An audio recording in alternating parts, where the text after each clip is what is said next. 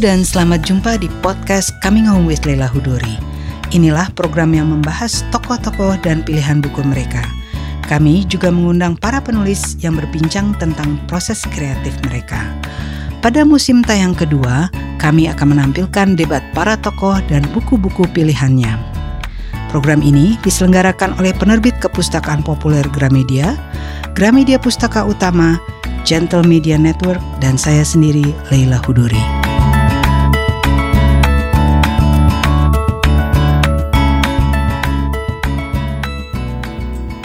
Selamat bergabung kembali dalam Coming Home with Leila Hudori. Siang ini kami sudah menyiapkan sebuah tema diskusi yang sudah pasti akan heboh, penghargaan sastra Indonesia. Setiap tahun ketika ada pengumuman siapa yang memenangkan Kusala Sastra Katulistiwa atau buku pilihan Tempo, selalu ada saja yang mempertanyakan kenapa yang menang si A bukan si B, kenapa yang menang si B bukan si C. Sementara itu ada anugerah bernama Penghargaan Sastra Badan Bahasa yang cukup tentram karena siapa pun pemenangnya tidak pernah diributkan. Karena itu Coming Home kemudian memutuskan kita harus berdiskusi buka-bukaan bagaimana tim juri memutuskan sebuah buku sebagai karya yang terbaik tahun itu. Lebih menarik lagi, bagaimana penyelenggara memilih tim juri. Apakah setiap tahun anggota jurinya sama? Adakah juri tetap? Lalu bagaimana caranya juri memutuskan apakah ada pertemuan atau voting misalnya. Bersama saya sudah ada Richard Oh, selain penulis dan sutradara, Richard adalah penggagas Katulistiwa Literary Award yang sekarang sudah bernama Kusala Sastra Katulistiwa. Selamat siang Richard. Selamat siang. Kemudian uh, di sebelah saya ada F. Rahardi, seorang penulis yang saya kagumi. Mas Rahardi ini adalah salah satu juri penghargaan Badan Bahasa Indonesia. Ini adalah penghargaan yang bernaung di bawah Badan Bahasa Departemen Pendidikan dan Kebudayaan ya Mas ya. Selamat siang Mas Rahardi. Selamat siang Mbak Oke. Okay. Terakhir saya juga ditemani kawan saya, sahabat saya dari majalah Tempo, redaktur pelaksana seni yang mewakili acara tahunan Tempo yang diadakan sejak tahun 2000 Nurdin Kalim. Selamat siang Kalim. Selamat siang, Mbak. Oke, kita langsung aja menuju pertanyaan yang paling umum dulu yang pastinya eh, nggak uh, nggak nggak terlalu heboh tapi perlu diketahui oleh para pendengar. Ini uh, masing-masing institusi ini uh, mempunyai gagasan untuk mengadakan uh, penghargaan ini yang sebetulnya memang cukup sedikit ya di dunia sastra. Uh, itu kenapa dan uh, mulai kapan dan uh, siapa saja gitu yang yang uh, mendukung atau uh, ikut menyelenggarakan uh, penghargaan ini? Mungkin bisa dimulai dari Richard. Kusala Sastra kita mulai uh, 20 tahun yang lalu. Jadi oh, tahun ini tahun ke-20. Wah, selamat Dan selamat. pada saat itu saya masih ingat sekali kita berkumpul uh, CEO-nya Plaza Senayan, saya dan ada Mas Danarto, ada Sutarzi dan lagi duduk-duduk minum kopi waktu itu uh, saya melontarkan satu gagasan yaitu uh, bagaimana kita bikin satu hadiah sastra yang sebenarnya tujuannya uh, sastra, uh, uh, bukan perlombaan tapi semacam penghargaan dan dari karya yang sudah terbit dari, ya dari karya hmm. yang terbit hmm. dan uh, intinya uh, kita akan berusaha mengumpul sejumlah dana setiap tahun dan hadiah itu uh, disertakan dengan hadiah uang uh, sehingga penulisnya itu mungkin uh, bisa membantu men, uh, penulis itu menyelesaikan proyeknya gitu. Tujuannya pada waktu itu itu. Oke. Okay. Dan itu langsung diakan oleh uh, CEO Plaza Senayan dan hubungan kita dengan mereka berjalan hingga hari, hari ini. ini. Dan para penyantun itu ada secure parking, ada Montblanc, ada apa. Mereka hmm. tetap dan sangat bangga dengan uh, hadiah ini. ini ya. Yeah. Jadi saya pikir komitmen untuk untuk melanjut dan memiliki visi untuk mendukung penulis itu sejak awal itu tujuan kita gitu. Oke, jadi ini uh, Plaza Senayan nanti kita ngomong ke soal penyantunan Ya. seterusnya ya. Tapi Plaza Senayan dan yang lain-lain itu Ya. sudah sejak awal sampai sekarang tetap menjadi mereka uh, eh, jadi mitra yang yang yang bahkan takut sekali eh, saya nanti malas atau nggak mau lanjutin gitu loh.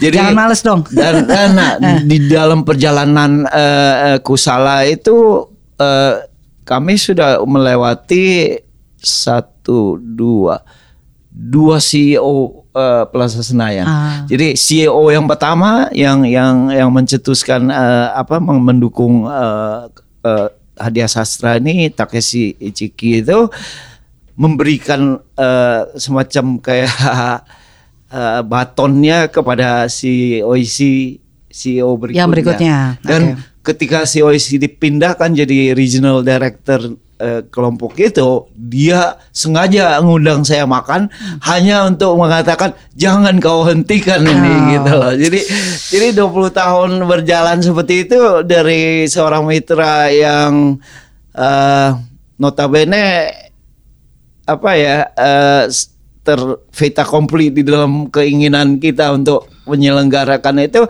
buat dia sekarang semacam legacy juga Iya, bagi iya. mereka. Waduh. Jadi Jarang-jarang tuh ya, langka Jarang. gitu ya, ada yang seperti itu. Ajaib tuh. Iya.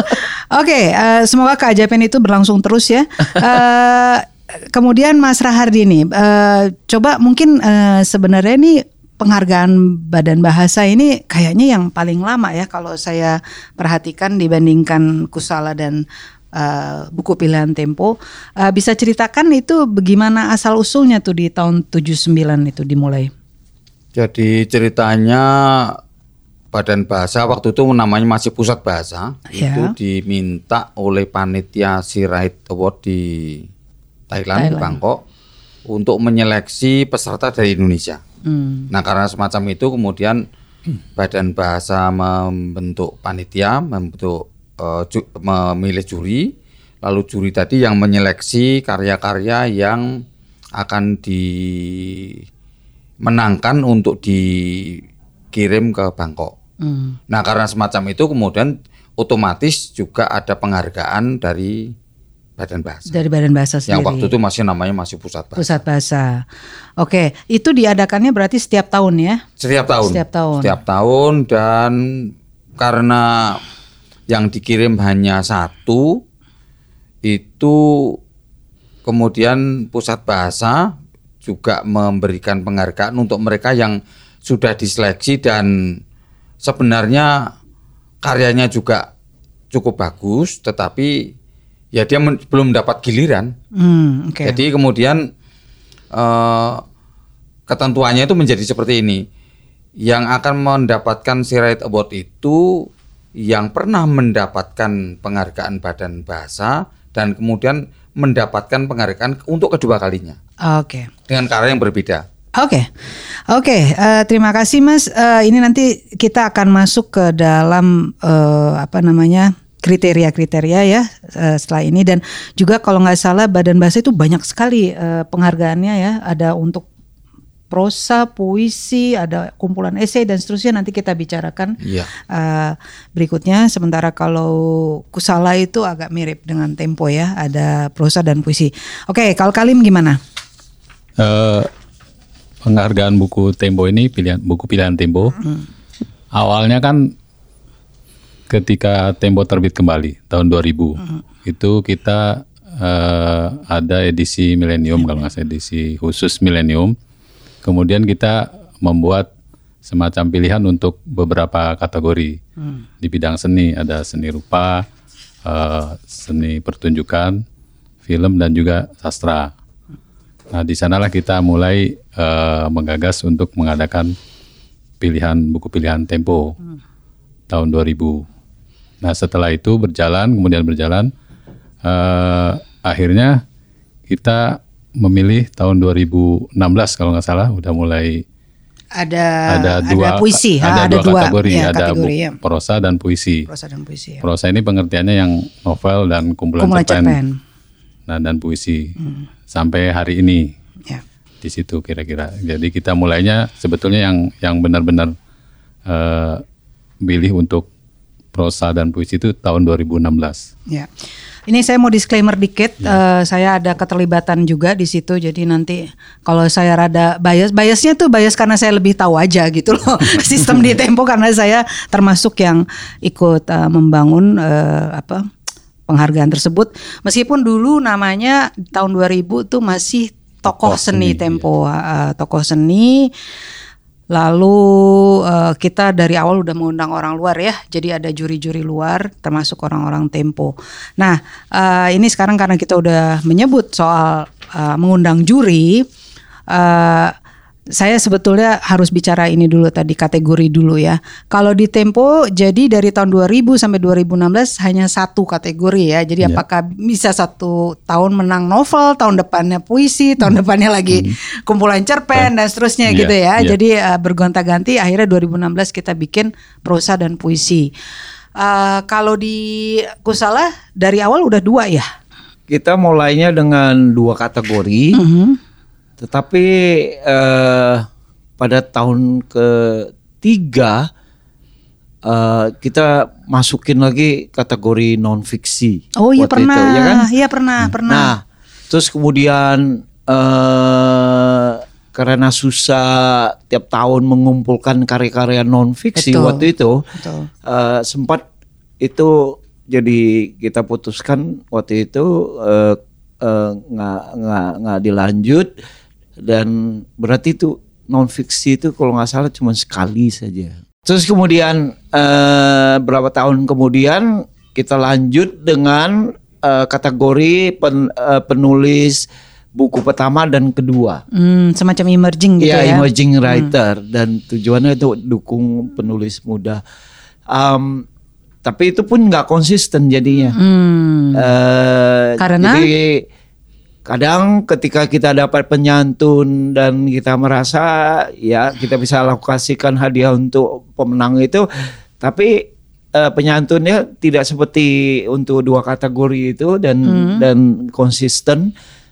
Kadang ada, kadang enggak dan Ah. Jadi basically eh, penyantun untuk yang penulis emerging itu lebih susah mendapatkannya dibandingin Iya, yang yang, iya. yang eh, Jadi pemenang. Iya, yang yang yang kita bisa jaga ya eh, hadiah di pundi itu Untuk tidak usaha. diturun-turun.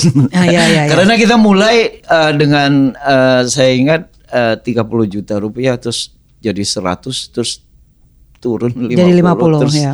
konsisten. Tapi tahun ini karena kita menanjak ke 20 tahun. 20 tahun nanti pemenangnya eh, per satu kategori itu 100 juta. Waduh. Nah, lumayan. Ini pendengar-pendengar.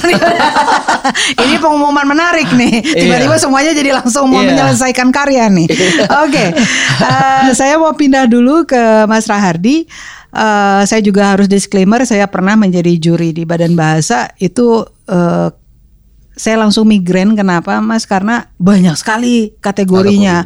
Astaga dan saya ini kan orang yang model yang merasa harus membaca semuanya gitu loh ya. Jadi ada prosa, ada puisi, ada esai, ada drama, ada apa lagi ya waktu itu?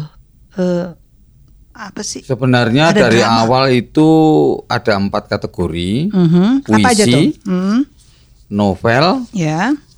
cerita pendek, Oh, dan cerpen. Ya. naskah drama. Drama. Oke. Lalu esai itu baru belakangan ini mungkin dua tiga tahun yang lalu. Kalau dari awal memang ketika pusat bahasa diminta panitia sirait itu badan bahasa terpaksa menyeleksi empat kategori tadi Hmm. dari eh, puisi, cerita Cerpen. pendek, novel dan Drama. naskah drama. Oke. Hingga seperti Wisran, kemudian Nano itu pernah di kalau Putu dan si Rendra saya lupa. Eh, Rendra pasti karena puisinya, kalau Putu saya lupa apa karena eh, Kumpulan cerpen atau novel atau kumpulan drama? cerpennya atau atau naskah dramanya kayaknya kalau tidak novel itu cerpennya. Ya, Putu karena itu. kalau Mas Putu Wijaya semua dia tulis ya. Artinya dia dia dia masuk dalam semua kategori. Oke, dan esai. Tadi saya setuju dengan eh, Richard bahwa kumpulan esai kita nggak banyak gitu. nggak banyak sekali gitu loh. Artinya tidak sebanyak fiksi dan eh, ya puisi, cerpen dan novel gitu. Jadi eh, itu juga setengah mati ya pasti mencarinya ya. Wah ya dan memang sebenarnya ada hanya mengumpulkannya kan memerlukan eh, energi lebih banyak dibandingkan dengan mengumpulkan kumpulan puisi, kumpulan cerpen atau novel. Novel, oke. Em, oke, sebelum kita nanti masuk ke bagaimana semuanya ini mengumumkan dan sebagainya, saya mau tahu ini karena masing-masing mempunyai eh, waktu yang berbeda-beda ya. Kalau tempo dari apa eh, penilaiannya? Eh, kita Lupa saya dari soalnya. Januari sampai Desember Oh masih sama. masih Oke. sama. Jadi dari tahun itu. Januari misalnya tahun 2020 sampai Desember, Desember 2020. 2020, ya. Kalau badan bahasa Nah, badan bahasa itu memang eh belakangan ini memang bagus tertib, tetapi awal-awalnya itu kacau balau nggak karuan, kacau balau.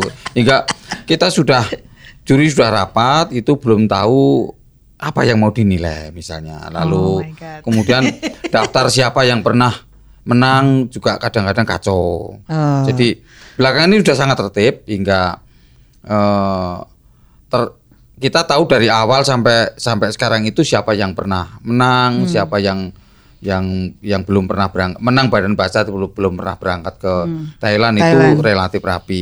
Hanya kalau penjuriannya memang biasanya udah deket-deket sekali, hingga praktis waktu membacanya itu gerbak-gerbuk ya. Eh, bukan gitu, tidak semuanya bisa ter ini terbaca Tercover. penuh. Hmm. Jadi itu istri sam- sampai ngomong begini ke keponakan saya itu siapa? Lah itu kan kalau ini j- jadi juri yang dibaca itu yang mau dimenangkan katanya.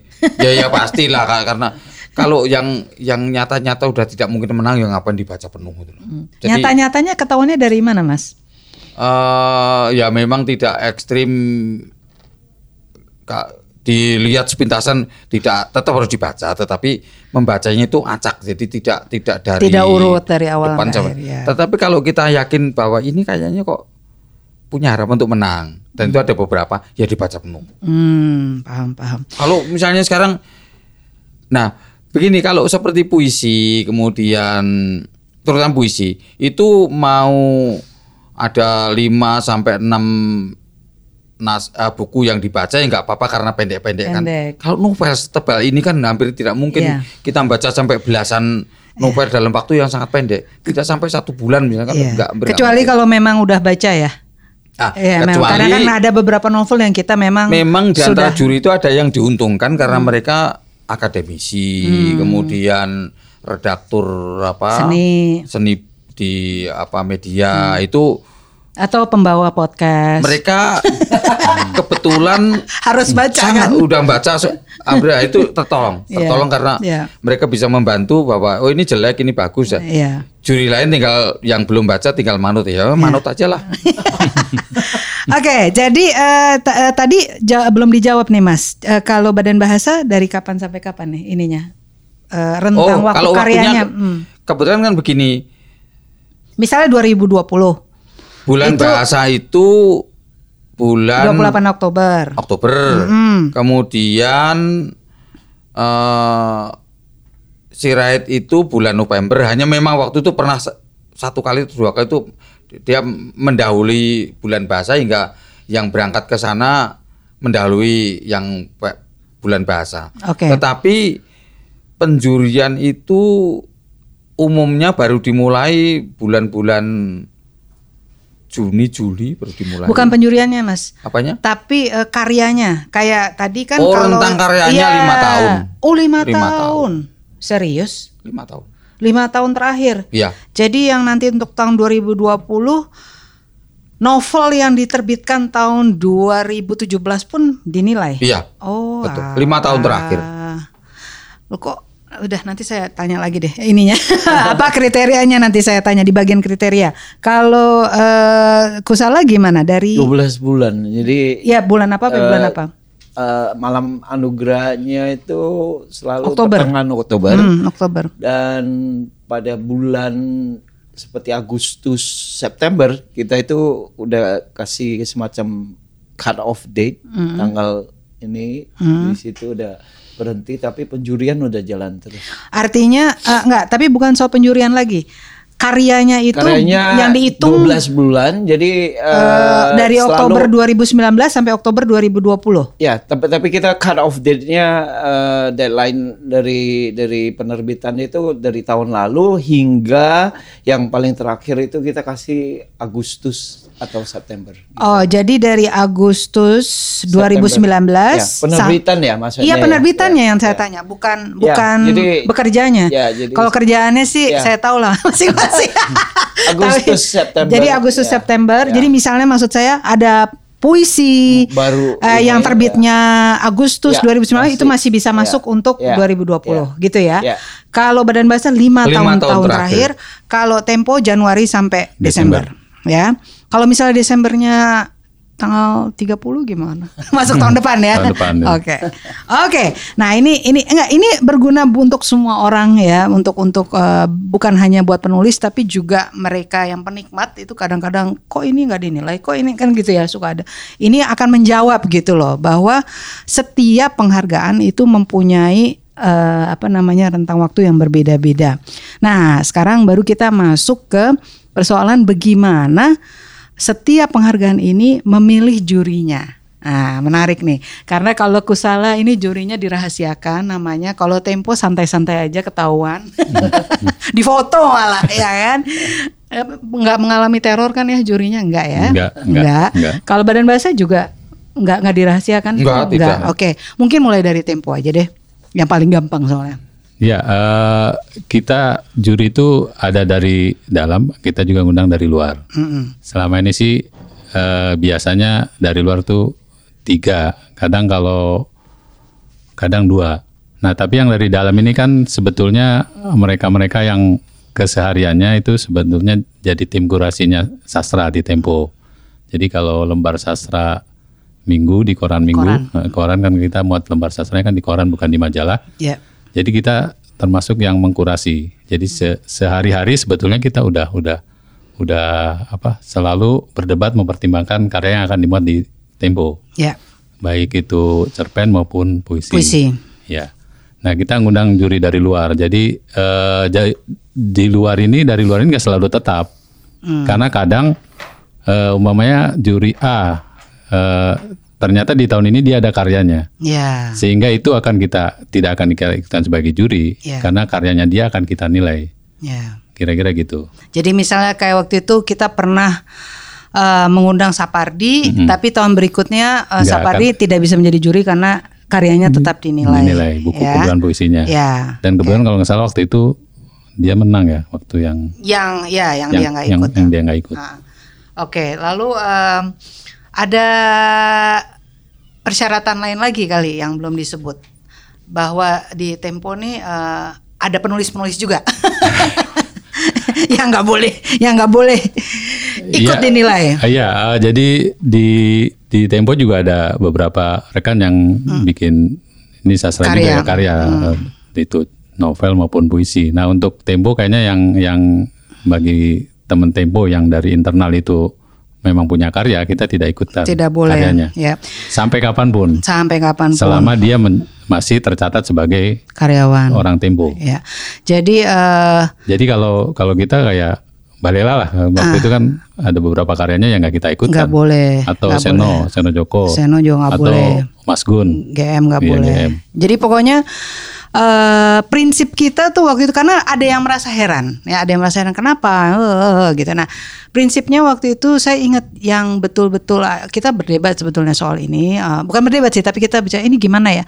Saya ingat sekali eh, CEO-nya eh, Torik Haddad waktu itu beliau pemret mengatakan bahwa sebaiknya ini kita lihat sebagai pemberian dari Tempo kepada orang di luar Luar Tempo. Tempo, iya. Kalau misalnya penulis Tempo kita kasih eh, apa hadiah dari Tempo juga itu nggak elok gitu. Jadi aneh gitu. iya. Jadi eh, dari awal itu setiap kata pengantar kita kita selalu sebut ya Iya. bahwa eh, tahun ini memang ada karyanya Seno Joko Suyono atau ada karyanya Gunawan atau karyanya Leila atau siapa pun lah ya yang Ya. yang saat itu memang Atau Mustafa karyawan Ismail gitu. atau Mustafa Ismail eh, atau siapa pun ya Ya. yang yang yang kita banyak sekali penu- Ya. penulis-penulis yang yang pernah di Tempo kemudian udah keluar eh, atau apa udah pensiun dan sebagainya itu tidak bisa dinilai gitu. Tapi begitu kalau udah di luar kayak Ahmad Fuadi, kayak Nezar, apa itu semua Yusi. Yusi itu Iya, bisa Yusi. bisa setelah Ariano. setelah tidak menjadi karyawan Tempo lagi Hmm. mereka kemudian dinilai. Oke, apalagi ada kriteria yang lain lagi? Jadi jurinya tidak dipilihnya hanya kalau dia eh, ada ada ininya Ada ya, ada karyanya. karyanya ya. Oke. Jadi jadi dan jurinya pun tidak selalu tetap kita itu Ganti-ganti ya. ganti-ganti. Oke. Eh, ini menarik karena ini rada terbalik nih sama badan bahasa. Kalau badan bahasa seandainya jurinya itu mempunyai karya, itu gimana tuh Mas? Masih boleh dia jadi juri ya? Masih boleh hanya tidak menilai aja. Jadi dia duduk mingkem gitu tidak ya? menilai karyanya sendiri. Oh gitu. Gitu, Tapi karena- dia jadi juri gitu? Jadi juri karena Oh, antara juri dengan seleksi karya itu kan dilakukan oleh orang berbeda.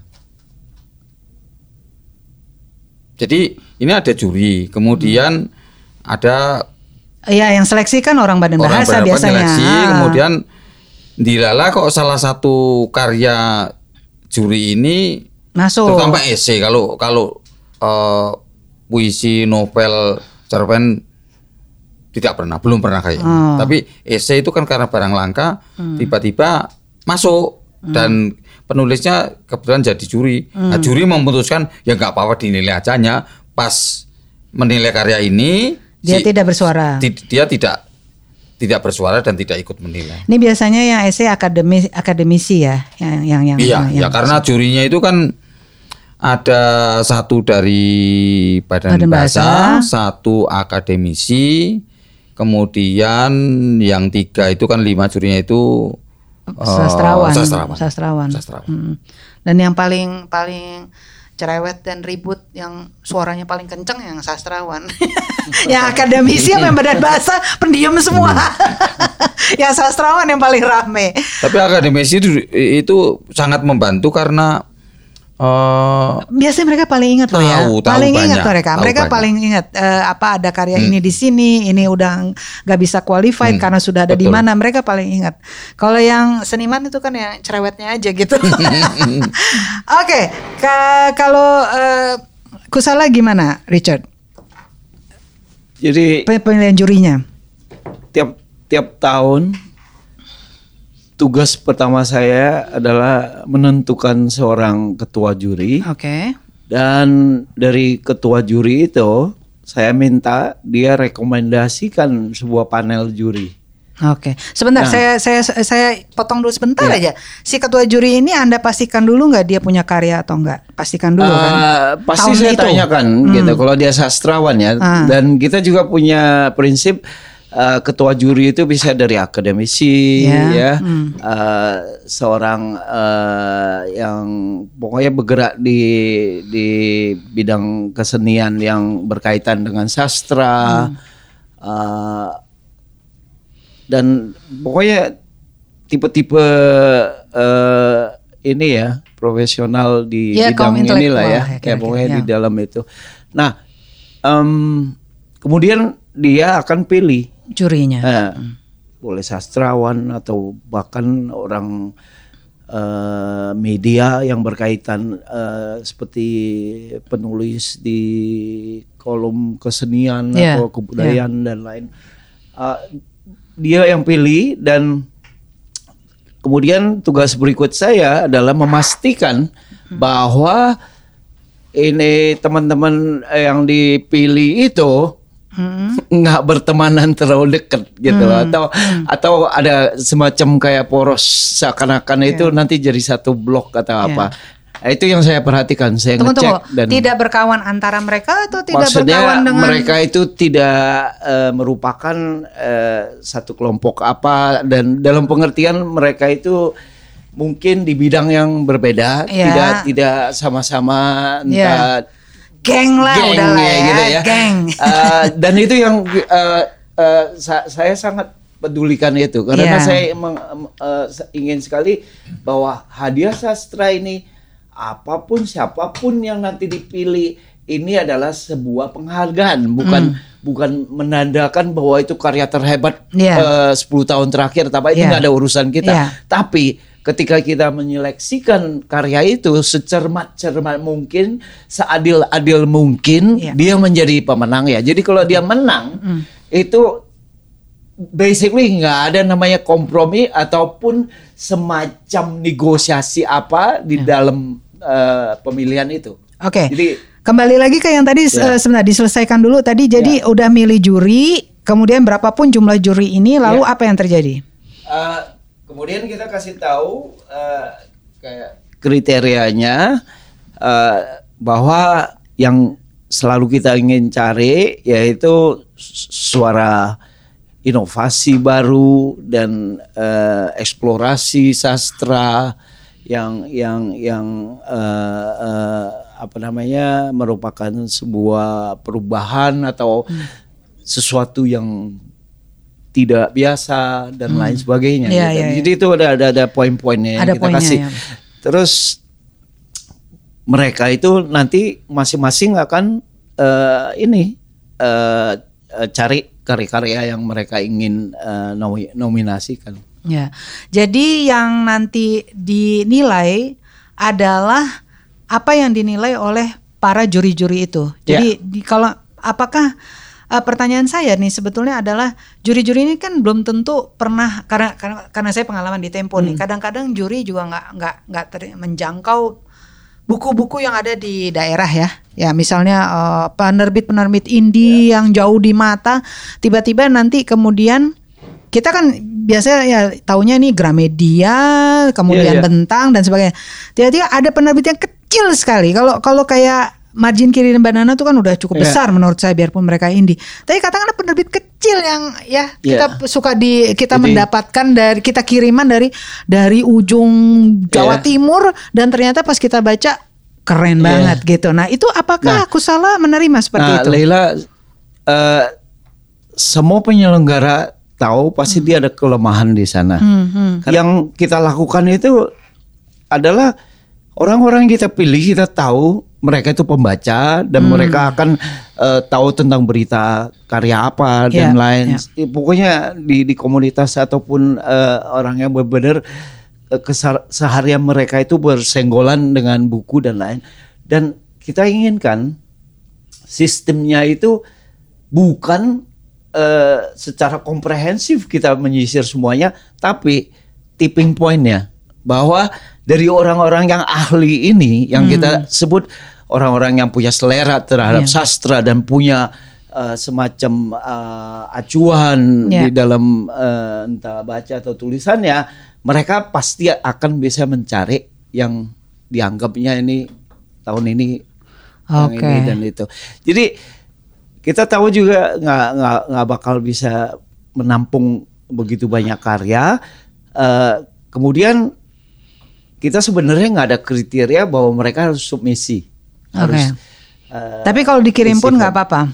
Tapi kita encourage kalau mau kirim Silakan. kita tampung, terus kemudian kita kirim ke para, para, juri. juri. Oke, Ya. oke, fair enough. Jadi kalau Tempo itu biasanya mengumumkan ya, Ya, mengumumkan eh, para penerbit ya. ke kita biasanya gini eh, selain kita sendiri yang berburu katakanlah karena kes- kesadaran kita juga udah udah eh, Memang udah bersinggungan bekerja, dengan ya. kerja untuk itu kita juga eh, bikin semacam mengundang apa eh, pengumuman lah. Ya. itu kita karena sekarang kan lebih mudah ya karena dengan ada ada dunia internet jadi kita lempar di medsos kemudian kita juga ada di jaringan teman-teman sastrawan kita di grup-grup WA dan segala macam.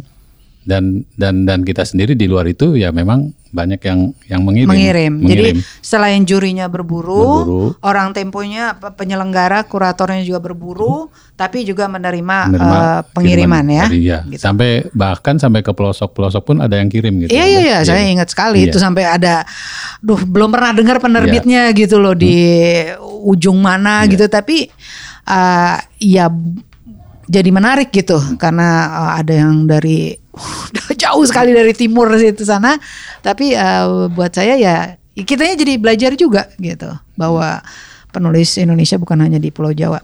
Oke, uh, nah sekarang ini uh, masuk ke dalam uh, penjuriannya sendiri.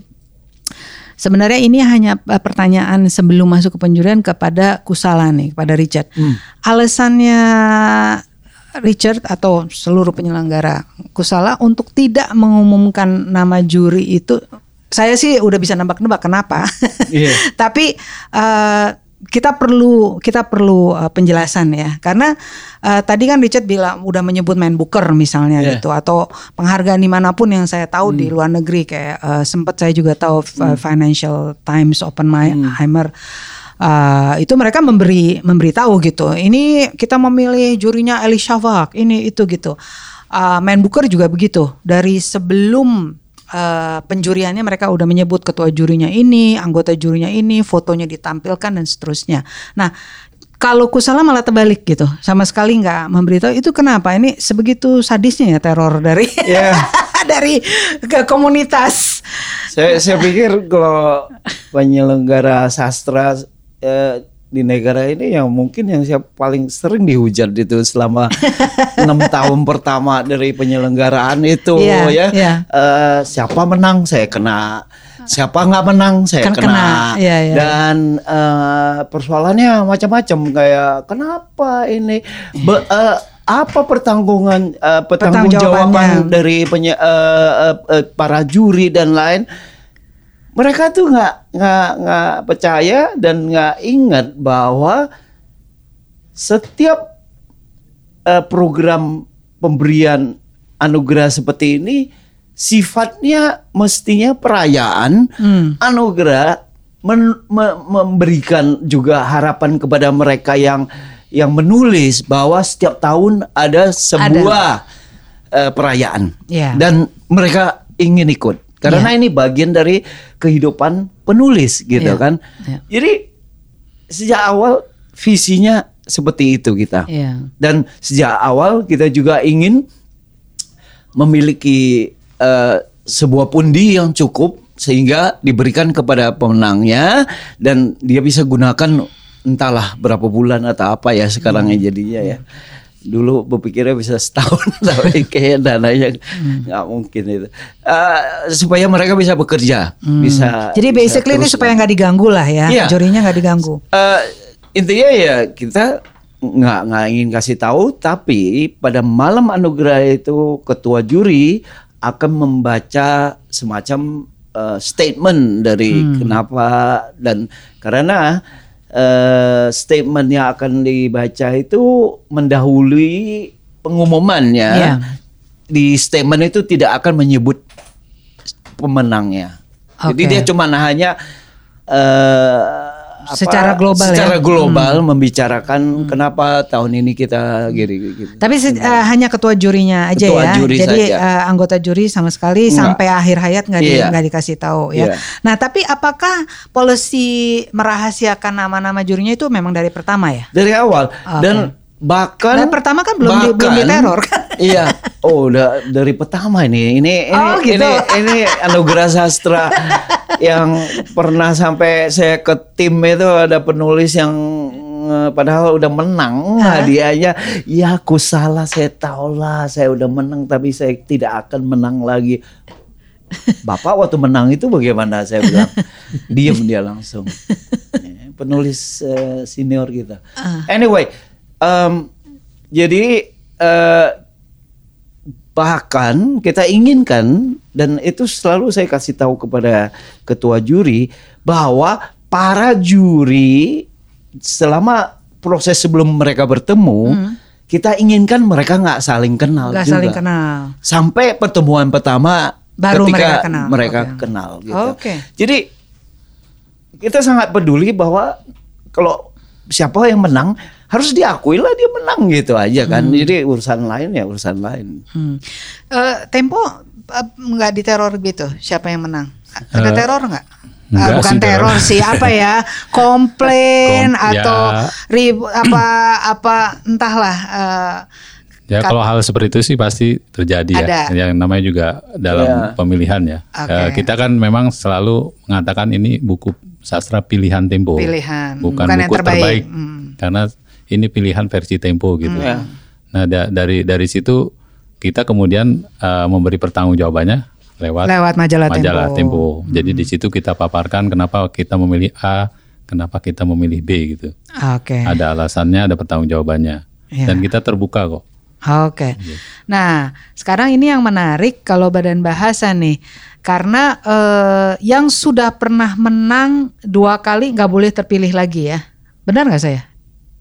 Benar ya? Ya, Ya kan? jadi- yang udah menang dua kali, Menang dua kali itu kan berarti ke Bangkok. mendapatkan Sirait Award. Sirait nah Award. itu ya sudah cukup dia tidak akan di Jadi nggak boleh gitu ya, nggak boleh menang bukan lagi. nggak boleh menang, dia tidak akan dinilai. Nggak boleh dinilai, maksud saya nggak boleh dinilai. Oke, jadi harus ada catatan yang rapi sekarang. Hmm. Siapa saja yang sudah pernah menang Iya, sekali, betul, dua betul, kali, betul. dan seterusnya, begitu ya. Betul. Oke, Eh, dan ini pemilihan jurinya bagaimana? Tadi kan panjang lebar nih Richard menjelaskan eh, kenapa sampai harus rahasia. Kalau badan bahasa Oh, santai ya, badan nggak bahasa nggak nggak pernah diteror ya. Oh, tidak pernah. Lalu kemudian bahkan ada banyak suara di luar itu yang mengatakan kalau Sirait itu kan arisan. Oh gitu. Iya, jadi kalau sudah si A pasti si B, terus si C. Eh. Ya a- mungkin sering ada pertanyaan, kok ini kok tidak pernah dapat sirit padahal nah karena dia tidak nulis. Ah, Jadi misalnya ada penulis hebat yang ya dia sudah sangat hebat lah, ah. tapi tidak pernah menghasilkan setelah karyanya itu menang Badan Bahasa, tidak pernah berkarya lagi ya, Lagi. ya tidak akan pernah dapat. Oh, jadi harus ada karyanya yang baru. karya baru. Oke. Untuk supaya dapat dua kali. Nah, begitu dapat dua kali ya dia dapat Sirait Award.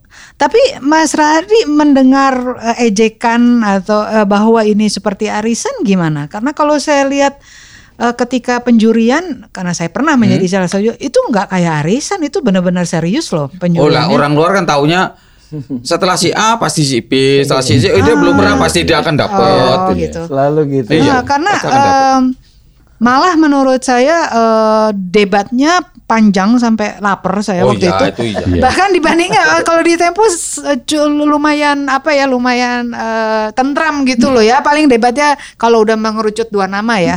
Tapi kalau ini dari awal aja udah panjang debatnya jadi serius menurut Pernah saya. sangat serius karena juri itu tidak sepakat kalau ada seorang penulis yang waktu itu ada intervensi dari otoritas badan bahasa yang sebaiknya ini dikasih penghargaan. Oh. nah, itu juri boleh. juri mengatakan ya kalau mau dikasih penghargaan kasih aja sendiri.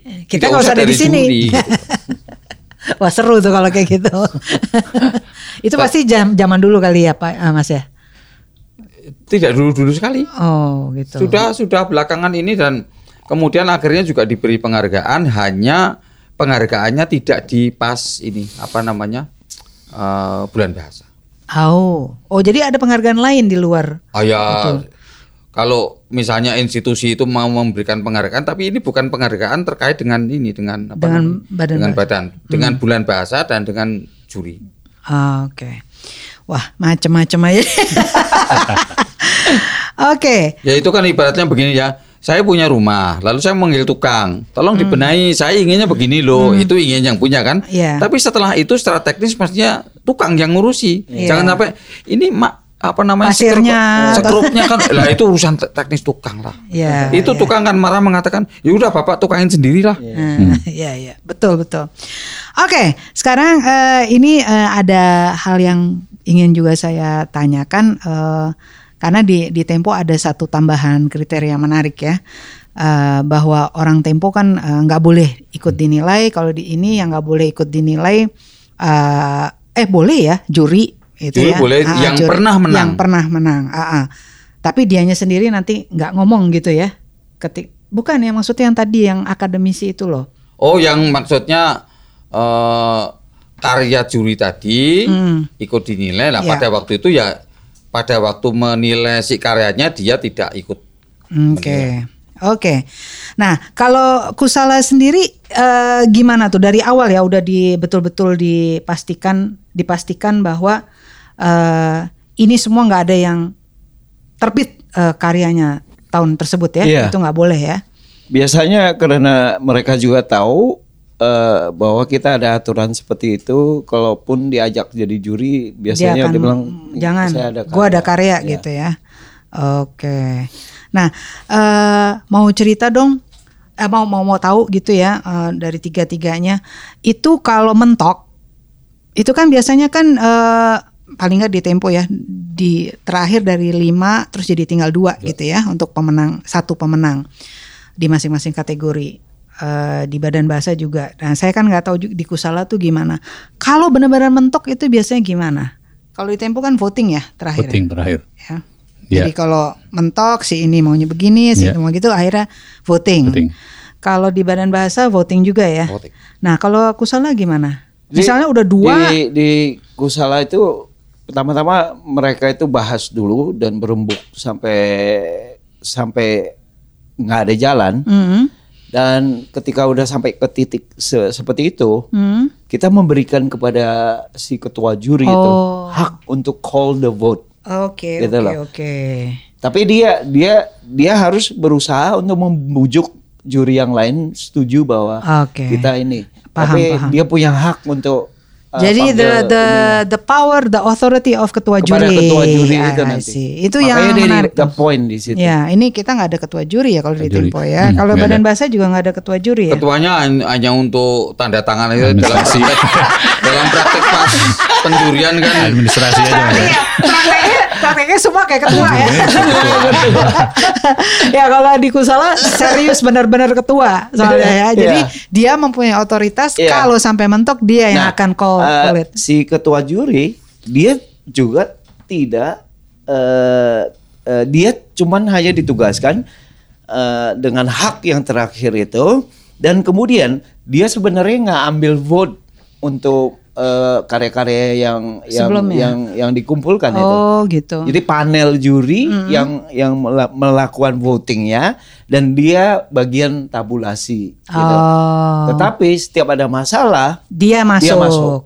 Oke. Gitu. Nah ngomong-ngomong, Richard sebagai penggagas pernah masuk gak? Artinya pernah Ah, nyampur nggak? Pernah intervensi? Ini kan tadi kan cerita Nggak. nih, ya badan bahasa 20 pernah gitu. Selama 20 tahun, Ah. setiap mereka mau ketemu, saya paling sediakan tempat di reading room, habis itu saya kabur gitu. Ah. Alasannya sangat sederhana bahwa saya ingin sejak awal itu saya tidak terlibat di dalam pemilihannya dan Hmm. saya tahu sekali persoalannya akan muncul kok sampai saya hanya ngomong sepatah kata secara sengaja atau tidak sengaja. Dan sejak dari yang pertama itu saya. Tapi ya orang-orang yang di luar seperti tadi Pak Rahar- Rahardi memang mengatakan itu mereka spekulasi terus Iya, gitu loh iya. karena kan ah ini kan eh, gitu kan Ini kan temennya Eh, ini Richard. kan Iya ini kan eh, gitu kan dan eh, iya banyak teman saya yang menang banyak teman saya yang nggak menang juga Iya. mereka nggak berpikir kayak gitu Iya. tapi nggak ada ini ya jadi Ya namanya orang karena di luar ya, kok- ya seperti tadi anda bilang spekulasi oh tapi terus. sekarang lebih lebih santai mereka agak-agak ngerti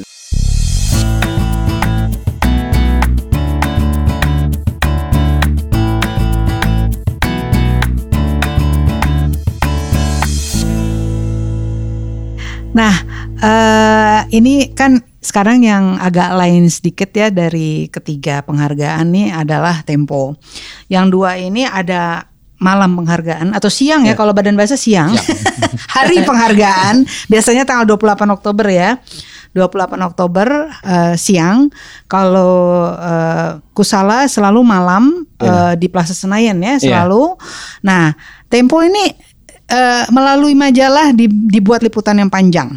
Ya, se- se- se- sampai saat ini baru itu. Tapi Baru kita itu. sedang merencanakan untuk eh, apa? eh, bikin semacam anugerah juga. Alhamdulillah. Jadi- mulai kapan nih? Mulai kapan? Nanti kita tagih terus aja, ya nggak sih? Ha-ha. Ya kalau di di rapat internal kita sih kita akan coba mulai tahun 2020 ini. Ah. Alhamdulillah. Kita rencanakan untuk Sastra aja sastra- atau sastra ada dan tokoh seni. Toko seni? Iya oh kan, film ini. malah enggak ya? Film kan sendiri. Sendiri. Iya. Ya tapi akan ada nggak tuh? Jadi men- numpang nih sekalian. Ya kita kita akan ada untuk tahun 2020. Jadi akan ada toko seni, ada sastra dan Jadi tokoh seni dan sastra kita jadi satu. Jadi satu. Heeh. Oh, oke. Jadi berarti yang performing art segala macam juga Iya, ya. yang I seni see. rupa juga. Seni rupa, musik juga dan ya. musik juga. I see. Oh, bagus tuh. Terus ada cita-cita nggak seperti halnya kedua penghargaan itu memberikan nominal? Eh, sebetulnya dari awal kita punya cita-cita itu. Hmm. Nah makanya kemarin itu kita rapat internal ah, harusnya sih kita sudah berpikir untuk ke arah sana. Hmm. Karena karena eh, itu ya semacam apa ya kita juga penghargaan dalam dalam bentuk eh, nominal Finansial, juga, ya. finansial juga penting gitu. Oke. Ntar kita tagih terus loh udah diucapkan gini. Oke. Nah, eh, mungkin eh, tadi kita udah dikasih tanda nih eh, durasinya. Saya mau tanya nih masing-masing. Menurut Anda semua, kita nih kekurangan masih kekurangan nggak sih penghargaan sastra ini kan udah ada Tempo, udah ada Benan Bahasa, ada Kusala dan eh, ada juga penghargaan-penghargaan yang eh, bersifat kepada naskah belum menjadi buku seperti eh, roman apa lomba romannya DKJ itu Ya, kan DKJ. belum menjadi buku makanya saya di sini mengundang yang penghargaan terhadap yang sudah menjadi buku aja. Jadi eh, ada yang masih naskah itu diberi penghargaan itu seperti DKJ dan juga eh, Kompas. Kompas kan juga mempunyai penghargaan cerita pendek ya, kalau nggak salah. Nah itu yang lima yang yang yang kira-kira eh, beredar dan itu eh, saya pribadi menganggap itu sedikit ya di luar negeri banyak sekali satu negara bisa banyak sekali mungkin dari Richard menurut Richard itu masih kurang nggak dan Saya kalau pikir Ah, semakin banyak eh, itu semakin bagus ya. Itu Hmm. membuat eh, penulis itu juga melihat setiap tahun seperti ada tantangan dan Hmm. Iya. lain.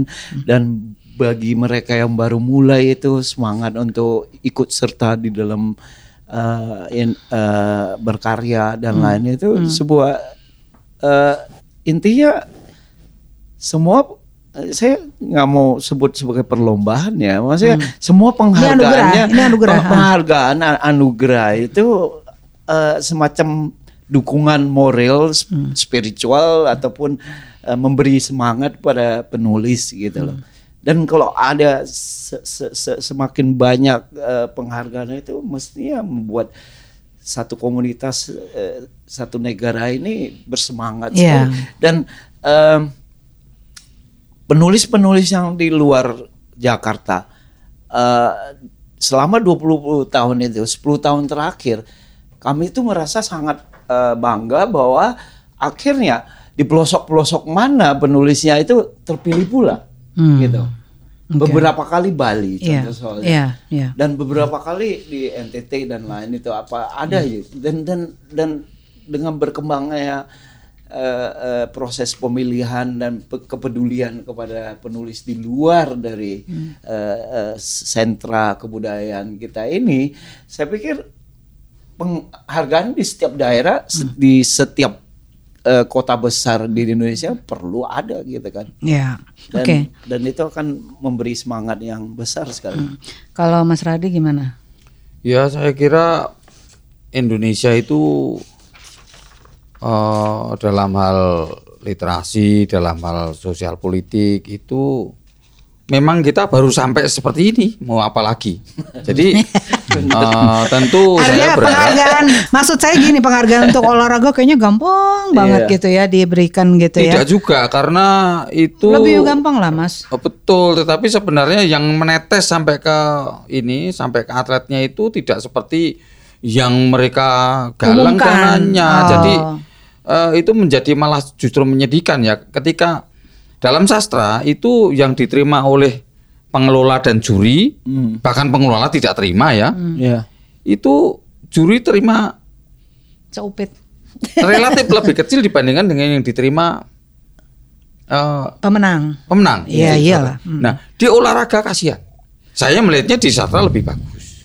gitu ya Ya, dan Ah. termasuk misalnya sekarang kalau yang yang kontroversial seperti Bakri Award misalnya, Oh, saya iya. sangat menghargai karena apa? Ketika ada yang menolak, saya menghargai yang menolak. Hmm. ya Ketika ada yang menerima, saya juga menghormati yang menerima dan itu tidak menghilangkan hormat saya kepada yang menerima ini. ya Hmm, betul, Karena itu itu kan ya itu kan pilihan Setuju. ya. Lalu eh, sebagai institusi yang memberikan penghargaan ke bidang yang sebenarnya jauh dari kegiatan utamanya, itu saya sangat menghargai. Lepas dari bahwa dia itu punya itu kan permasalahan dia yang Iya, bukan iya, yang iya, iya, iya. Tapi kan paling tidak dia masih Betul, ingin memberikan betul, hadiah betul. untuk sastra kan, Betul. apa pun pretensi atau keinginan Iya. ataupun atributnya. Nah, ketika itu dipermasalahkan lah ya orang lain yang mau masuk ke situ ya ya menjadi males kan. Jadi ini ini sebenarnya menghambat menghambat ini apa namanya? eh, pertumbuhan Iya. penghargaan terhadap sastra. Oke. Em, sebelum saya masuk ke audience question, eh saya sebetulnya jadi tertarik nih. Em, ini kan yang namanya sastra yang kita nilai ya di dalam tiga penghargaan ini itu selalu sastra Indonesia yang ditulis dalam bahasa Indonesia. Ya.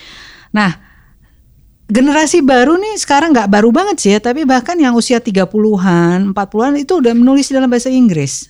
Ya, sebenarnya nggak baru banget, bukan generasi yang yang milenial, yang di atasnya pun ada yang udah nulis bahasa Inggris. Itu kenapa nggak dinilai di dalam eh, lomba ini? Kata eh, Richard gimana? Misalnya bukan bukan bukan hanya yang yang muda-muda gitu ya, yang 20-an ya. Kan 20-an rata-rata udah pada nulis bahasa Inggris, tapi yang Iya. bahkan kan ada penulis Iya, kayak iya. Laksmi itu kan menulis dalam Iya. bahasa Inggris. ah. Saya juga sebenarnya tulisnya novel-novel saya dalam bahasa Inggris Ah, dan tapi sendiri. saya jadi penyelenggara untuk eh, hadiah sastra Indonesia. Alasannya sangat sederhana ketika kita menulis memakai bahasa Inggris ya kita kalau ingin em, diapresiasi lewat anugerah dan lain banyak sekali kita bisa kirim ke ke yang internasional. Jadi itu udah masuknya Dia jalurnya ke, internasional. Jadi dia Ya. masuk jadi dia masuk Ya. ke sastra Inggris. Iya, sastra. Ah, Sastra berarti Inggris. pendapat Anda mirip sama Pak Iya. Sapardi bahwa Iya. itu bukan masuk sastra Indonesia, Benar. tapi masuk ke sastra Inggris Iya, gitu ya. nah, eh, eh, mungkin eh, posisi saya melihatnya dia tetap sastra eh, Indonesia. Indonesia, tapi penghargaannya itu eh, cuman bedanya saya, nah saya tahu posisinya Pak Sapardi. Sapardi yang mengatakan eh, bahwa eh, orang Indonesia kalau tulis bahasa Inggris ya bukan sastra Indonesia. Indonesia loh. Nanti kalau dia ke Winton Acton dia dia announce-nya gimana gitu. An, eh, Lasmi Moja atau siapa gitu tulis bahasa Inggris dari Indonesia kan. Jadi Iya. nggak mungkin. Iya. Kayak banyak kan eh, penulis India yang menulis dalam bahasa Inggris, Hmm. tetap dia penulis India gitu kan. Iya. Dan itu nggak benar kalau bilang itu kalau eh, cuman penghargaan. Saya pikir eh, mereka punya banyak sekali mempunyai peluang. banyak ke jalan gitu, Iya, mempunyai jalan, banyak ya. akses. Gini Pak, so, Iya. em, eh, Richard, sorry, Iya. saya sedikit eh, interject soal Iya. eh, argumen tersebut. Eh, alasan orang-orang yang eh, sejalan dengan pemikiran Pak Hmm. Sapardi adalah karena kalau kita menulis dalam bahasa Indonesia di dalam sastra Indonesia, kita mengembangkan bahasa tersebut di dalam tulisan kita yang bahasa Indonesia. Sementara Iya. kalau kita menulis dalam bahasa Inggris, artinya kita developing, kita mengembangkan, memperkaya bahasa tersebut, bukan bahasa Saya bukan ngerti. sastra gitu. Saya ma- ngerti, tapi Ah, itu melihat eh, karya sastra seakan-akan bahasanya, Hmm. bukan dari semua pergelutan di dalam sastra itu. Hmm. Satu novel itu urusannya nggak cuma di bahasa, tapi ada sosial etika konteksnya dan eh, hal-hal yang digelut seba- sebagai bentuk dari novel dan banyak sekali gitu. Oke. Dan kadang eh, penulis-penulis yang eh, menulis dalam bahasa Inggris seperti mere- mereka dari India atau dari negara Commonwealth Malaysia itu pun Malaysia, Malaysia. dan lain eh, mereka itu se- seakan-akan mestinya juga dibanggakan memproyeksikan negara dan kecintaan dia pada negara dan bahkan kebudayaan dan bahasanya tapi dia cuma tulisnya dalam bahasa, Bahasa Inggris, Inggris. gitu loh Oke. secara internasional Setuju, setuju. Oke, saya sengaja nggak nanya sama Mas Radi karena badan bahasa gitu loh. Udah jelas, Jelas gitu. jelas gitu. Nggak mungkin akan. Ya, tapi Jadi- bisa juga begini. Iya. Pertanyaan yang sama bisa diajukan mereka yang menulis dalam bahasa Jawa, dalam bahasa Oh Sunda. ya. Itu kan Tapi itu ada penghargaannya tuh. Eh, apa namanya? Artinya begini loh. Rang, Nah, rang. Jangan berharap menarik. yang menulis dalam bahasa Jawa dan bahasa Sunda Kenapa itu juga mau ikut dapat penghargaan. Nah. Kusalah ya pasti tidak lah. Itu Lucu. ada ada tempatnya tersendiri. Benar. Oke paham. Nah ini untuk Rangkaje menjawab itu ya. Rangkaje ya. Ya. Masih ada itu ya? Ada, Masih ada, ya? masih, masih. Oke. Tahun ya, udah. Iya iya. Oke enggak ini kan lagi. ingin menjawab eh, menjawab pertanyaan berbagai eh, pendengar gitu ya. Oke sekarang langsung ke audience question. Pertama dari sahabat underscore sastra. Apakah tim juri dalam memilih suatu karya untuk menjadi pemenang selalu harus memperhatikan ada tidaknya pesan sosial dari karya tersebut? Ataukah lebih banyak penilaian itu berdasarkan gimana selera tim juri saat itu? Go dari Tempo. Ya, eh, kalau dari Tempo kita ada punya beberapa parameter ya untuk menilai itu karya yang akan kita pilih nantinya. Hmm. Eh, di antaranya itu kebaruan.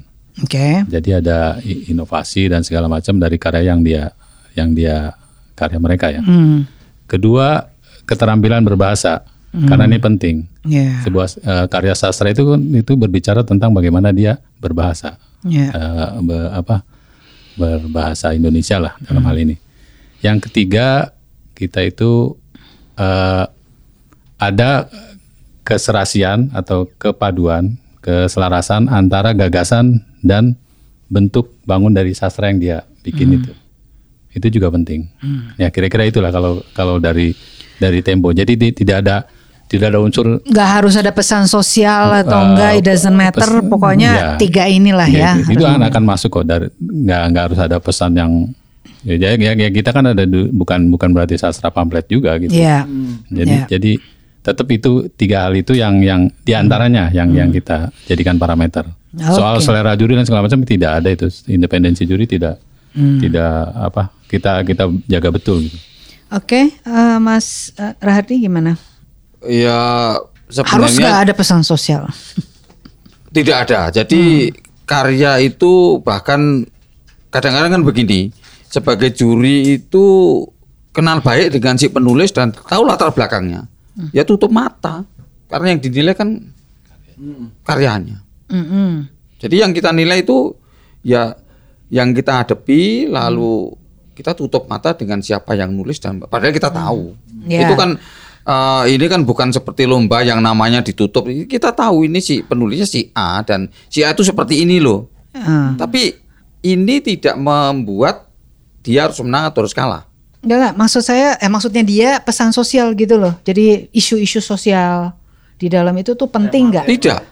Enggak, sama kan? sekali tidak. Keagamaan apa namanya pesan moral segala pesan macam moral tidak. Tidak. sosial. Leb- Ah, ini lebih sosial nih. Jadi sosial kan kayak misalnya apa ya ceritanya tentang apa sih kasus apa gitu kan ada tuh novel-novel yang kasus eh, isu, ada isu mengangkat misalnya diskriminasi gitu itu kan kasus sosial nggak harus Tidak, nggak harus tidak, begitu tidak. kan tentang seekor burung aja gitu kan bisa kan gitu ya asal nulisnya bagus ya kan nah, Di bawah laut juga boleh. Maksud Oke. saya, Nah. eh, pertanyaannya mungkin juga bisa di dikontemplasi penanyanya sendiri bahwa pengertian dia terhadap sastra itu eh, saya kira semua sastrawan pasti pada intinya punya kepedulian pada etika sosial Iya. dan lain keadilan dan lain sebagainya tapi tidak mesti diterjemahkan eh, kayak satu novel atau satu karya itu keseluruhannya bero- berorientasi untuk mengajak orang me- melakukan menciptakan satu gerakan atau apa kan Ya, nggak ya, perlu ya, kan ya. Ya. sastra eh, berhubungan juga dengan eh, estetika dan bahasa Ya. dan dan eh, segala macam eh, inovasi bentuk Ya. dan lain. Oke, nah eh, pertanyaan kedua dari at monolog monologia susah banget monologia underscore ini menarik nih bisa panjang. Apakah kualitas sastra Indonesia menurut anda sudah meningkat dari tahun ke tahun? Wow. Dari Richard. Kita mah nggak kalah sama negara-negara tetangga seperti Malaysia dan di beberapa negara di Asia Filipina, Tenggara malah Vietnam. ingin sekali dan melirik kita sekali dan perkembangan sastra kita Hmm, eh, sastra musik film fashion eh, dan banyak banyak sekali mereka ingin belajar dari kita atau ingin mengetahui bagaimana kok begitu banyak buku terus diterbitkan dan Iya. dan dan eh, eh, sastrawan yang eh, belakangan juga mulai bermunculan secara internasional eh, dan lain sebagainya. Saya pikir mesti lebih banyak baca. Iya. Oke, jadi menurut Richard udah meningkat ya dari Oh, tahun ke tahun. dahsyat perkembangan kita. Eh, Mas Radi. maju cukup pesat dan kalau kalau kalau kita meng- me- menilai sesuatu itu kan harus ada pembandingnya ya. Pembandingnya bisa karya dari negara lain, bisa juga karya sastra Indonesia periode sebelumnya. Nah, kalau yang kedua ini prosa sangat, sangat bagus. Kumpulan cerpen, novel itu eh, konstan dan cukup bagus. Kalau dibandingkan dengan yang sebelumnya, yang sebelumnya. ya. Kalau Oke. puisi eh, relatif dibandingin prosa ya Hmm. lebih lamban. Ada kemajuan tapi eh, spotnya itu tidak se apa sekonstan prosa. Kenapa tuh menurut Mas Rahardi? Karena memang lebih sulit. Gak juga. ah.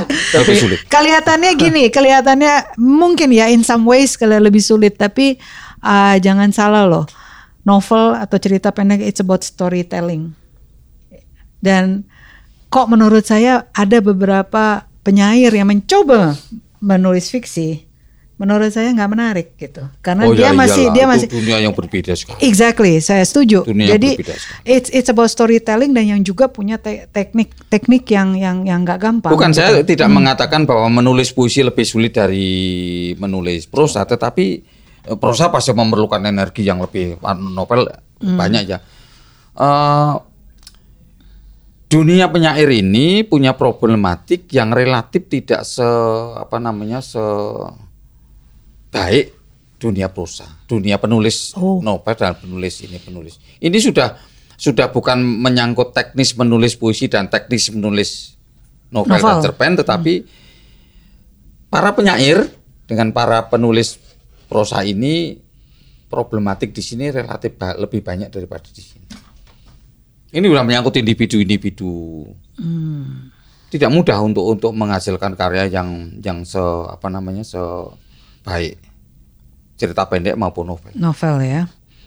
Tapi yang kulihat itu uh, bahwa penerbit masih menerbitkan terus buku-buku puisi dan dan itu buat, Tapi dengan buat ini saya, juga udah dengan dengan karena Iya, saya tahu betul. subsidi atau Iya, apa kan? dengan iya dan Iya. juga dengan berat hati. Mereka Iya. tuh kalau misalnya setiap kali kita bilang, "Eh, terbitin no itu," mereka berat hatinya karena mereka tahu nggak laku. laku. Ah, Iya. jadi eh, jumlah oplahnya apa jumlah oplahnya jauh lebih di bawah Iya. novel dan itu dan juga Iya. selalu dengan mikirnya berapa kali gitu. Kecuali tentu untuk nama-nama yang udah pasti besar ya. Iya. Tapi kalau enggak mereka Tadi, tuh udah iya. ini gitu agak-agak aduh nanti ini enggak enggak Eh, iya. nggak laku gitu. Ta- Tadi terpikir oleh saya itu sebenarnya ki- kita kita ini sebenarnya menunggu seorang penyelenggara eh, hadiah khusus cuman puisi, saja. saja. Dulu ada ya Dan- kayaknya. Dulu dan ada deh. Nggak nggak tahu Ah. saya. Saya pikir itu bisa dirayakan dengan hebat itu dan pasti indah sekali. Iya. Karena penulis eh, sajak atau syair itu penyair itu sangat susah, memang benar. susah. Dan mereka itu juga nggak produktif dalam pengertian eh, eh, kayak penulis prosa lebih jauh lebih produktif karena akses ke eh, eh, peng- pengagum atau pembacanya itu jauh lebih terbuka lebar dan lain. Dan dan puisi itu mungkin di berapa kota di Indonesia itu di satu dua muncul gitu. Eh, belakangan saya ketemu sama si penyair muda dari Padang itu ya. Dedi Arsya. saya- ya, ya. Dedi Arsya ya kan yang baru Ya, menang ya. itu. Menang, menang Tempo. Itu, Tempo menang. Itu Dia- keren banget. Eh, bagus deh, ya. bagus Bukan nih. main tuh anak. Dia udah dua kali ya menang Tempo ya. Kedua Dedi kali, Arsya. Ah, kedua kali. ah. saya juga suka deh. Jadi kayak susah sekali kan kita menemukan itu. Tapi yang saya tiap tahun sangat kagum adalah penerbit masih menerbitkan mereka Ya, ya. dan ada penerbit-penerbit kecil juga menerbitkan karya-karya mereka. Dan Iya. Ya, itu itu, itu mesti dihargai. Terus di- Ya. didukung gitu. Ya. Oke, eh, menurut Kalim gimana nih kualitas sastra Indonesia dari tahun ke tahun sebagai juri tiap tahun? Eh, berkembang ya, bergairah. Kalau menurut saya sih ini menarik karena sekarang tuh muncul banyak penulis-penulis muda yang kualitasnya secara ini tidak kalah dengan yang Yang udah senior. senior-seniornya lah. Yang kita eh, pilih untuk tahun ini pun dari Tempo yang muda. Hmm. Untuk apa? eh, prosanya kita milih masih muda, masih di bawah 30 tahun.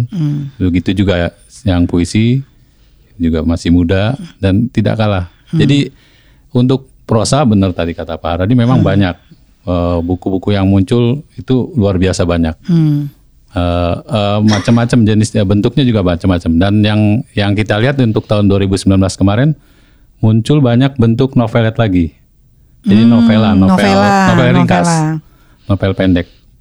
Ya, tapi meskipun pendek, dia berbahasa dengan baik, ketat sekali dan dan punya ini meskipun halaman terbatas, tapi ceritanya bisa berlapis-lapis dan sangat menarik. Oke. Nah, yang kalau di bidang puisi kita lihat jumlahnya memang banyak, tapi variasinya sedikit. Dalam pengertian eh, puisi-puisi yang eh, model puisi liris itu masih mendominasi. Hmm. Kalau kalau kita lihat, Iya, kalau se, se pe- penglihatan tempo ya untuk Iya, tahun iya. 2019. Dan pengulangan-pengulangan Pengulangan ya, tema bentuknya itu gitu ya, tidak beranjak dari bentuknya. tahun-tahun sebelumnya. Iya. Jadi tidak se sevariatif prosa lah. Oke. Nah, ini biasanya di akhir dari eh, acara ini saya kan bertanyanya buku apa ya? Yang biasanya saya tanya buku apa yang eh, apa paling me- mempengaruhi eh, narasumber saya. Tapi ini karena kita topiknya berbeda, eh, ini yang saya mau tanya ini berbeda juga. Cita-cita atau keinginan masing-masing dari para institusi ini untuk memajukan penghargaan sastra masing-masing. Sebenarnya Kalim tadi udah menjawab ya, ada keinginan, udah mulai mikir, udah mulai, jangan mikir aja ya Kalim ya. Iya. Tapi ada keinginan bikin apa malam eh, anugerah, dan juga Jadi gini, eh, Mbak, eh, saya rasa saya pikirin dari Tempo sendiri ber- berpikir eh, ber- melihat eh, kurasi model seperti ini bentuk penghargaan sastra ini seharusnya diperbanyak. hmm, Kalau cuma ada kusala, ada badan bahasa yang Tempo yang masih masih merintis, kayaknya masih kurang. Karena eh, kurasi seperti ini akan akan akan melahirkan eh, penulis-penulis yang baru. Nah kita saya asumsikan seperti sepak bola di Eropa lah. Sepak bola di Eropa tuh maju bukan karena kegilaan penontonnya, tapi karena ada liga-liga kecil yang justru melahirkan pemain-pemain bagus dari liga-liga kecil itu. hmm, Nah makanya kurasi penghargaan sastra seperti ini harusnya lebih diperbanyak lagi. Jadi bukan hanya lima lah tadi yang disebutkan Mbak Lela di Indonesia. Iya, jadi liga-liga kecilnya maksudnya gimana tuh? Ya ada ada, Ada. di Iya, luar yang ngerti. lima ini. Saya ngerti. Iya. Jadi lewat lewat maksudnya lewat dari seleksi-seleksi dari Ah. uh, para penyelenggara itu yang mungkin luput dari pengamatan kita Iya. banyak orang, tapi Lang- muncul itu nama-nama Iya, iya. baru dan Iya. Iya. uh, dengan demikian saya pikir akan semarak dan Iya, semarak. Jadi sangat sangat sangat banyak. menarik. Nah, kalau cita-citanya eh, Richard tadi selain kalau tahun 2020 Iya, gitu. kan mau menaikkan, tapi apakah nanti tahun depan jadi turun lagi atau ada ada cita-cita lain nggak untuk Kusala? Gak tahu 20 tahun saya pikir itu satu cita-cita yang tercapai itu yang Iya, pertama. itu udah itu itu udah udah udah dicontreng Tapi, tuh, udah. Tapi Eh, sejak awal itu kita pu- punya eh, keinginan untuk eh, eh, Kusala nanti bisa bantu ke penerjemahan Kusala Oh, apa oke, gitu oke. ya.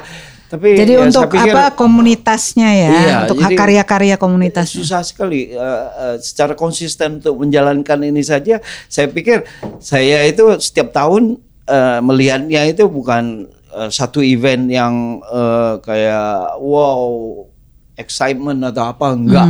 Tapi saya jaga konsistensi Hmm, Iya. bahwa setiap tahun Harus pada ada. tanggal itu ada dan Iya. dan terlaksana Iya. dan kita maju lagi gitu. Iya, iya, Jadi iya. nggak nggak terpikir itu terlalu apa namanya eh, eh, semangat untuk sesaat atau apa gitu. Iya iya, Itu jadi sesuatu yang konsisten. Konsisten Ah, aja. Ya kan Ya, kadang-kadang pelan-pelan kita gitu. suka kepengen oke ini udah 10 tahun atau udah 20 ingin tahun ini, kan ini, pengen ini, ada gitu naik kan. kelas dikit Iya, nih gitu itu kan. Nah, kalau kayak Tempo kan naik kelasnya udah kita bikin malam ini ya kan. Asal jangan dibikin tahun ini terus tahun depannya Iya. nggak ada ya. Iya benar ya. Pada akhirnya kan konsistensinya Iya, yang iya. kita bisa pertahankan 10 tahun kayak 20 Iya. atau bagaimana lamanya. Nah, kalau cita-citanya Badan Bahasa Mas Radi Ya gimana?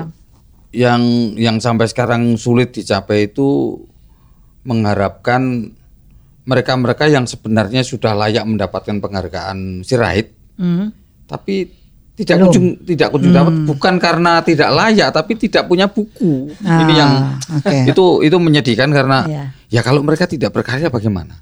Iya. Bahkan ketika ada satu orang tokoh yang sebenarnya dia harus harus da- dan bukunya banyak. Hmm. Tapi ketika buku itu diseleksi, dilihat ternyata kompilasi misalnya. Itu kan Oh. ya tidak mungkin lah itu maksudnya karya baru. Hmm. Lalu Tapi kan ininya syaratnya Badan Bahasa lima tahun terakhir sebenarnya betul tapi lumayan. lah kalau se- selama 10 tahun terakhir juga tidak berkarya Oh, dan ya. hanya Ya, ya udah. nah, ini yang sangat disayangkan kemudian yang bersangkutan kan kita berlomba dengan umur ya jadi Iya, iya, iya, iya. sangat bersyukur ketika misalnya seorang tokoh besar misalnya seperti si uh, Sitor misalnya Hmm. akhirnya diberangkatkan dan waktu itu memang juga agak problem secara teknis karena dia ada di negeri Belanda Jerman, eh, lalu Belanda. Belanda lalu tapi kemudian ya setelah menerima tidak lama kemudian meninggal dan itu uh, juri sangat bersyukur karena ya ini, ini tadi tidak tidak sa- sampai terlambat. Dan karyanya ada. Oh, karyanya oke. ada lalu kalau yang lain itu lah ya kita menunggu karyanya. Kalau yang bersangkutan tidak berkarya menjadi sulit. Gitu ya. Oke, jadi ini eh, saya senang sekali mendengar bahwa ini ada cita-cita yang sudah diucapkan, disampaikan ke publik. Nanti eh, kemudian kita bisa tagih, karena namanya manusia kan juga suka lupa gitu kan ya. Eh, jadi semoga eh, ini semua cita-citanya bisa tercapai. Ini Kalim mulai senewan nih kelihatannya, karena, karena saya akan akan tagih ke mana nih malam apa anugerah untuk teman-teman. Eh, jadi 2020 ya, jadi bukan yang kemarin menang ya, baru lagi nanti ya, gitu ya. Jadi Kita kan biasanya biasanya di, dimunculkan kan di awal tahun. Jadi Iya. di di majalahnya biasanya di awal tahun 2000. 2021 berarti 21, ya. Oh gitu. Untuk 2020. Oke dan kalau saya menyarankan atau mengusulkan kepada Richard itu nanti jangan hanya 2020 aja, terus terus itu apa itu kan hadiahnya dinaikin. Jangan turun lagi tahun depan ya. Iya, kita ingin pertahankan seperti Nah, itu. itu. Dan mungkin tahun ini juga eh, karena udah 20 tahun kita juga akan men- eh, coba mendapatkan sedikit dana untuk membawa beberapa eh, apa namanya penulis yang masuk ke dalam shortlist itu Ah. eh, sekaligus memperkenalkan ke beberapa kota gitu. Oh bagus. Oh, nah ya kayak gitu-gitu tuh. Iya. Jadi ada apa sih? Ada langkah-langkah Ada- baru gitu loh. ada dari- sedikit inilah. Waduh, terima kasih banget semua Richard, Mas Radi sama Terima Kalim. kasih, terima kasih. jadinya semoga pendengar juga makin jelas, makin clear dengan eh, penghargaan ini dan kita eh, seperti tadi Richard katakan eh, kita semua tuh celebrate gitu Iya. ya, merayakan gitu ya. Siapa pun yang menang atau siapa pun yang mendapat penghargaan atau siapa pun yang eh, mendapat eh, apa menjadi buku pilihan Tempo itu semua kita rayakan ya. Eh, terima kasih juga kepada mereka yang sudah mampir eh, dan mendengarkan eh, semua cerita-cerita dan informasi dari ketiga narasumber. Eh, sampai jumpa Rabu depan. Bye bye.